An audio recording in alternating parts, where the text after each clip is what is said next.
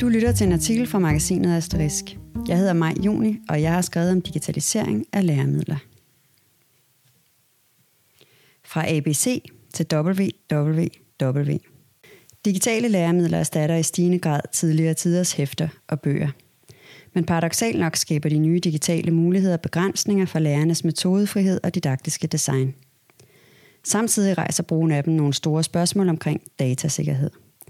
Der skal digitaliseres med didaktikken i højsædet, lyder det fra flere forskere. Ole Bole gik i skole med sin søsters røde kjole. Den lille røde ABC af Claus Eskelsen med tegninger af Storm P. var 1900-tallets ubetingede hit, hvad angår læremidler. I en grad så den helt dominerede markedet i efterkrigstiden. Og verden er nu 2019 ser måske ikke så anderledes ud, som man kunne fristes til at tro. Der er nemlig en potentiel risiko for, at tidens tiltagende digitalisering af læremidler forstærker tendensen til enkelte læremidlers dominans. Årsagen er blandt andet et marked, der er domineret af ganske få store undervisningsforlag. Men andre faktorer spiller også ind og sammen.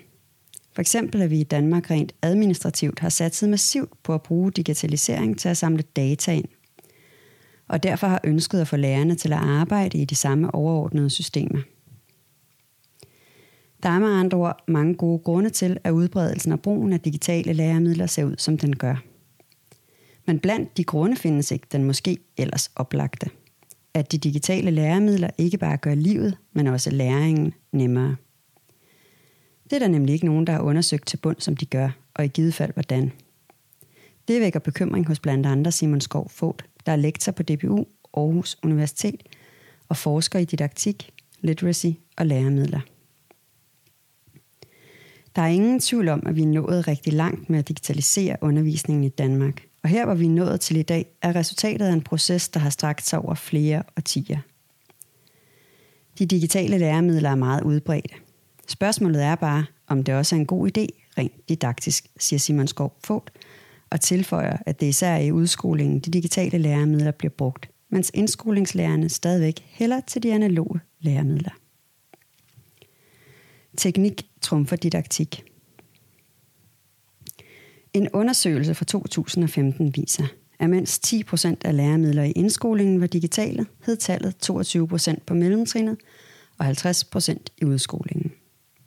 En fordeling, som Simon Skov Fogt vurderer formentlig er steget proportionelt i dag, sådan at de digitale læremidler over en bred kamp er mere udbredte end for fire år siden, men stadigvæk mest udbredt i udskolingen. Og når han er ude og observere undervisning i skolen, oplever han også, at det fungerer godt rent praktisk med de digitale redskaber. Der bliver ført digital protokol. Computerne bliver tændt, og både lærere og elever har vendt sig til, at det er sådan. I stedet for at kigge på den grønne tavle, kigger vi på den digitale tavle. Men spørgsmålet er, hvorfor vi gør det sådan, siger Simon Skov Fogt. Han mener svaret er, at vi gør det, fordi vi er et samfund, der har haft en lyst og vilje til at investere massivt i teknologi i undervisningen. Og dermed er svaret ikke, som det burde være, at vi gør det, fordi vi vil høste didaktiske fordele ved at digitalisere. Der er slet ikke nogen tvivl om, at det er en god idé i et vist omfang.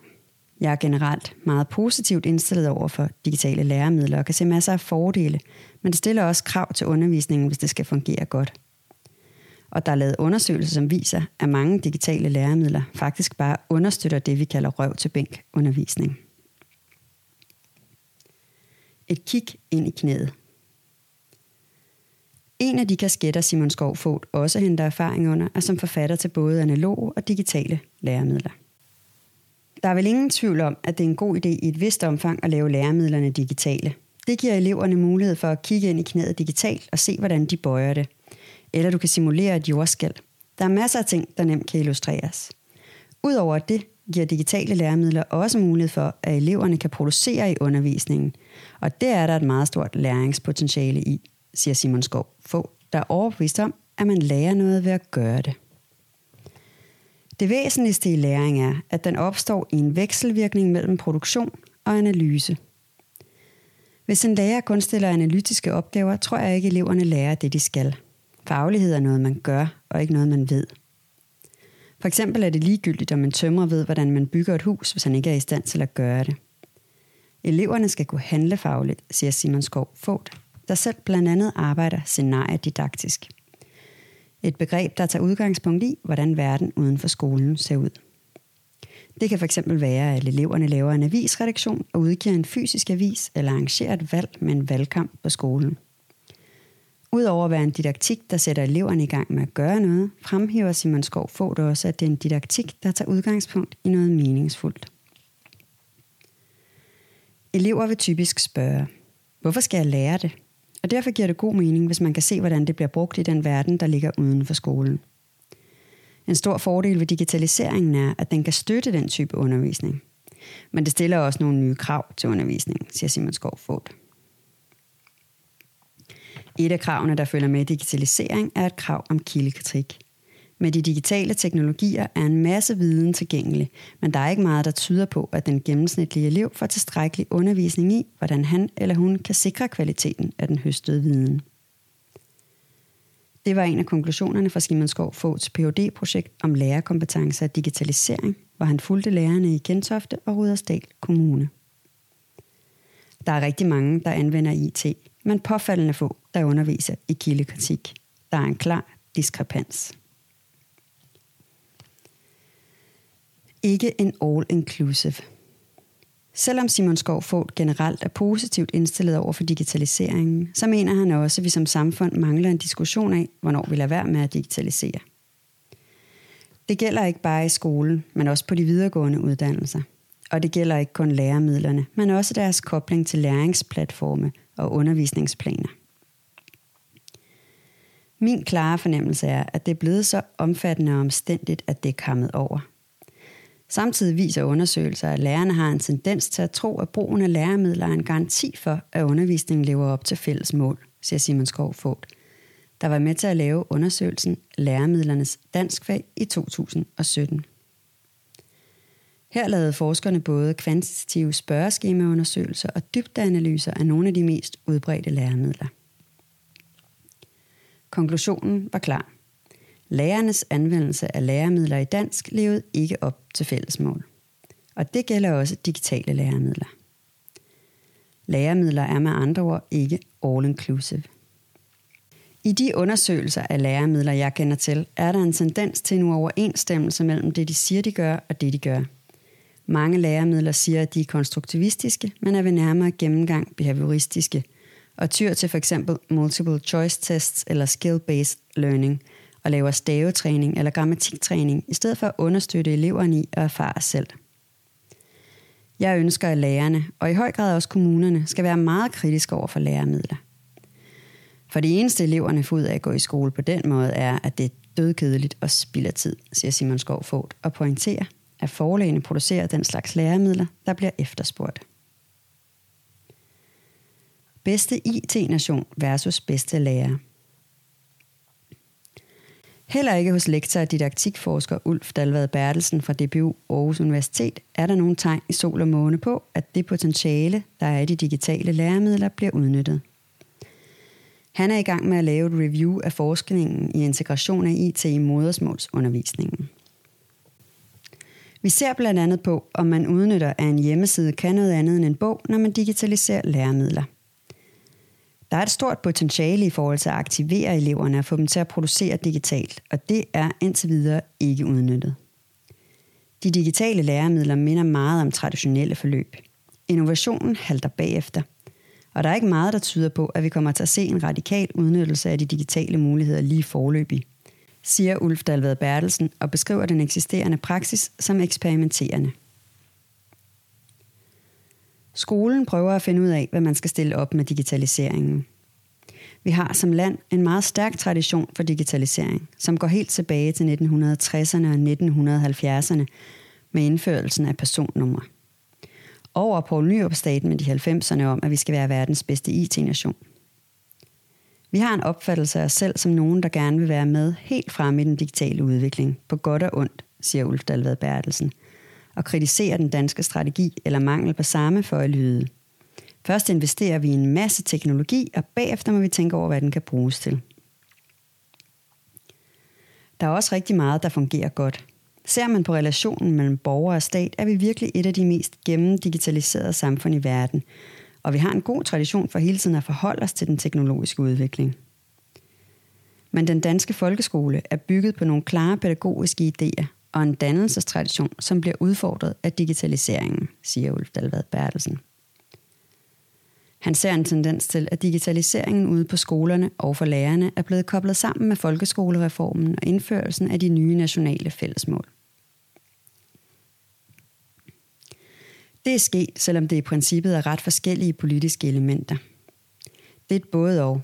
Der er både kommet en masse ny teknologi, og man er gået fra en forestilling om læreren som den professionelle, der kunne træffe valg om, hvad der skulle ske i klasserummet, til at lærerne er mere styret af de fælles mål, siger Ulf Dalvad Bertelsen. Centralisering af indkøb. I løbet af 2010'erne er der blevet hældt godt med næring på den spirende digitalisering i folkeskolen. Regeringen afsatte en pulje på 500 millioner kroner til at lave indsatsen IT i folkeskolen fra 2012 til 2017. Og en væsentlig del af den indsats har været en pulje til at medfinansiere kommunernes indkøb af digitale læremidler for at stimulere efterspørgselen og udviklingen af læremidlerne. I praksis er det sådan i dag, at de to store forlag, Gyldendal og Clio, og i noget mindre grad forlaget Alinea, har udviklet hver deres læringsportal, som kommunerne kan abonnere på. Og en rapport fra Rambøl, som evaluerede indsatsen IT i folkeskolen, viste sidste år, at der var sket en løbende centralisering af kommunernes indkøb af digitale læremidler. Samtidig var andelen af skoler, der helt selv og uden kommunal indblanding kunne foretage indkøb, faldet fra 20% i 2014 til 14% sidste år. Reelt er det svært at sige, hvad det betyder. Men vi ved, at lærernes praksis tidligere har været meget præget af, at de selv designede undervisningen. Måske tog de en fotokopi af noget, de anså som godt indhold i det ene læringsforløb og blandede det med noget fra det andet. Både Clios og Gyldendals læringsportaler er massive systemer, som dækker stort set alt. I værste fald kan man sætte børnene foran computeren, og så kan de blive siddende der, indtil de er færdige med 9. klasse, siger Ulf Dalvad og tilføjer, at han oplever en skepsis blandt lærerne over for at være bundet til de store systemer. Hvis det bliver dominerende, mister læreren i et eller andet omfang indflydelse på, hvad der sker i timerne. Det er jo nogle andre, der har lavet de didaktiske design, og en stor del af længere forløb, som man ikke lige kan plukke i. Hvem er så den didaktiske designer? Bliver det forlagene, der bestemmer, hvad der skal foregå i folkeskolen? Sæt læremidler til låns. Også Simon Skov få peger på centraliseringen og den begrænsede adgang til læringsportaler som et bekymringspunkt. Det er typisk kommunerne, der køber systemerne, og de køber typisk kun ét. På den måde bliver lærerne ramt på metodefriheden. De er ikke med til at vælge og får en mere begrænset adgang. De kan selvfølgelig stadigvæk låne de analoge læremidler, men når det gælder de digitale, har de ikke så meget at skulle have sagt, konstaterer Simon Skov Fogt. Han kan se en stor fordel i at skabe mulighed for, at lærerne kan låne de digitale læremidler på samme måde, som de har gjort med de analoge. Der er en masse interesser på spil, og det handler også om forretningsmodellen. Hvem skal finansiere det? For forlagene og forfatterne vil jo gerne have deres penge. Det er også en model, der vil stille nogle krav til lærerne om at orientere sig meget bredt i, hvad der er på markedet. Jeg kan ikke diktere, hvordan det skal fungere i praksis, men det vil være en god idé, siger Simon Skovfogt, og peger også på andre afgørende områder, der kan vende udviklingen i en mere positiv retning. Jeg synes, der skal være mindre kontrol og evaluering af lærernes arbejde og mere tillid til, at lærerne ved det godt. Det kan frigøre nogle flere ressourcer til lærernes forberedelse og give mulighed for, at lærernes møder i fagteams bliver et sted, hvor de kan diskutere didaktik og ikke praktik, siger han. Data, data, data. Blandt de mange interesser, der er på spil i digitaliseringen, er også et ønske om at samle data og gøre undervisningen mere datadrevet. Ulf Dalvad Bertelsen har gennemlæst en række dokumenter om baggrunden for det, KL kalder Brugerportalsinitiativet, som er en indsats, der skal sikre en digital sammenhængende folkeskole med læringsplatforme, kommunikationsplatformen Aula og en ny IT-infrastruktur. Jo mere der foregår det samme sted, jo flere data får man også. og det er tydeligt, at det har været en del af ambitionen med brugerportalsinitiativet. Lige nu fungerer det ikke rigtigt. Der er ikke noget, der tyder på, at de data bliver brugt til noget. Men det er klart, at der vil blive dokumenteret en masse adfærd, og på sigt vil det føre til nogle diskussioner af, hvad de data kan bruges til, siger Ulf Dalvad Bertelsen. Og netop de diskussioner så lektor og forsker i datadreven styring og forvaltning, Helene Gad Ratner fra DPU Aarhus Universitet, gerne, at vi allerede tog hul på nu. Hun peger blandt andet på den udbredte brug af gratis software i skolen som problematisk. Det kan fx være, når der bruges quizprogrammer, eller elevernes eksisterende profiler på sociale medier inddrages i undervisningen. Det kan være en søgning på Google, og ofte er det som ved Google netop velafprøvede populære produkter, som fungerer godt og også bruges uden for skolen. Når vi snakker digitale læremidler, kræver det en bevidsthed om den usynlige datadeling. Især når vi bruger gratis produkter. For de er ikke gratis, vi betaler med vores data. Men det er typisk ikke det, vi forstår som data, så vi er ikke opmærksomme på det. Det kan være data om din GPS-lokation, eye-tracking, der følger øjnenes bevægelser over skærmen, digitale spor, du efterlader, når du bevæger dig rundt på en platform. Der er en klar algoritmeøkonomi, hvor tech-virksomheder bruger data dels til at udvikle deres egne produkter, men også til at sælge videre til tredjepart. Spørgsmålet er, hvem der kan håndtere de udfordringer og dilemmaer, det skaber. Og skal offentlige institutioner lægge rum og børn selv, at man bruger gratis software, hvor man ved, at data om brugerne, det vil sige børn, bliver delt. Didaktik er svaret. Helene Gad Ratner mener ikke, det skal være op til den enkelte lærer alene at tage ansvaret for at vurdere, hvilke data der skal deles. Det er et helt klart dilemma. På den ene side ved den enkelte lærer og elev ikke, hvilke data der deles og hvad de skal bruges til. Og den enkelte lærer kan ikke overskue den jura og vil sjældent have teknisk ekspertise til at forstå, hvad det vil sige, at data deles og profileres. Så ansvaret skal ligge et andet sted. Og hvis det er skolens, kommunens eller en national beslutning, så vil det også være på bekostning af lærerens valgfrihed og autonomi. Og på bekostning af, hvordan man kan bruge digitale læremidler til at engagere og motivere elever. Hvad skal veje tungest? Hensynet til datasikkerhed, eller hensynet til i hvor høj grad teknologierne kan fremme trivsel, læring, engagement og motivation – jeg synes, datasikkerhed er vigtigt. Det er alvorlige sager, og vi bør diskutere det i samfundet. Og så kan det godt være, at prisen er, at vi standardiserer yderligere og reducerer autonomien i forhold til digitale læremidler. Men man kunne jo godt arbejde med motivation, før vi fik digitale læremidler. Så må man tænke motiverende, inddragende, engagerende didaktik på analog måder, og naturligvis også stille krav til de etablerede forlag og læringsmiddelsproducenter siger Helene Gad Ratner. Snip, snap, snude. Nu er historien ude. Helene Gad Ratner er lektor på DPU Aarhus Universitet. Hun forsker i datadreven styring og forvaltning samt dataetik. Hun underviser på DPU's bachelor- og kandidatuddannelse i uddannelsesvidenskab. Ulf Dalvad Bærelsen er lektor på DPU Aarhus Universitet. Han forsker i sprog, literacy og integration af digitale teknologier i læringsmiljøer med særlig interesse for, hvad den omsaggribende digitalisering gør ved fag, fagforståelser og faglige praksiser. Han underviser på DBU's kandidatuddannelse i didaktik dansk. Simon Skov Fogt er lektor i literacy på Aarhus Universitet DBU og skal overtage hovedansvaret for Pearls-undersøgelsen efter Jan Meiding. Han forsker i literacy, multimodalitet, lærerkompetenceudvikling, IT, læremidler og scenariedidaktik, og udvikler også selv digitale og analoge læremidler. Han underviser på kandidatuddannelsen i didaktik.